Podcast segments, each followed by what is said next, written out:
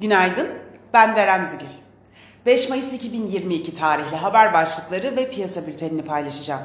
FED faizi 50 bas puan arttırdı. Gelecek aylarda benzer oranda faiz artışına gidebileceği sinyalini verdi. Fed Başkanı Powell'ın 75 bas puanlık bir artışın şu an için değerlendirilmediğini söylemesi hisse senetleri ve tahvilleri destekledi.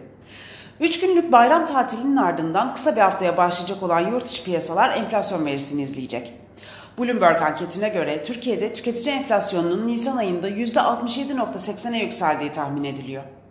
Cumhurbaşkanı Erdoğan 1 milyon Suriyelinin gönüllü geri dönüşünü sağlayacak bir projenin hazırlığını yürüttüklerini söyledi. İngiltere Merkez Bankası'nın faizi 13 yılın zirvesine yükseltmesi bekleniyor. Piyasalara genel olarak bakacak olursak, pay piyasalarında FED kararı öncesi güçlü parasal sıkılaşma endişeleriyle satış baskısı altında olan başta ABD borsaları olmak üzere majör borsalar güçlü tepki yükselişi gerçekleştirdi.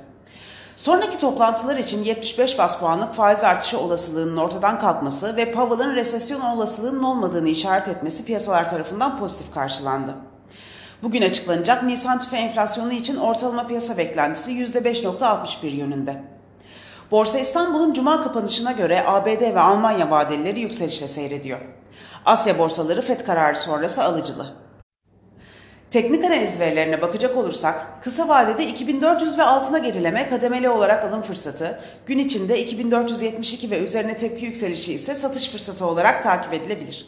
Viyop tarafında ise gün içi long pozisyonlar için 2794, short pozisyonlar için 2853 seviyeleri zarar kes seviyesi olarak izlenebilir. Borsa İstanbul'un ve endeks kontratının güne yükselişle başlamasını bekliyoruz. Kazançlı günler dileriz.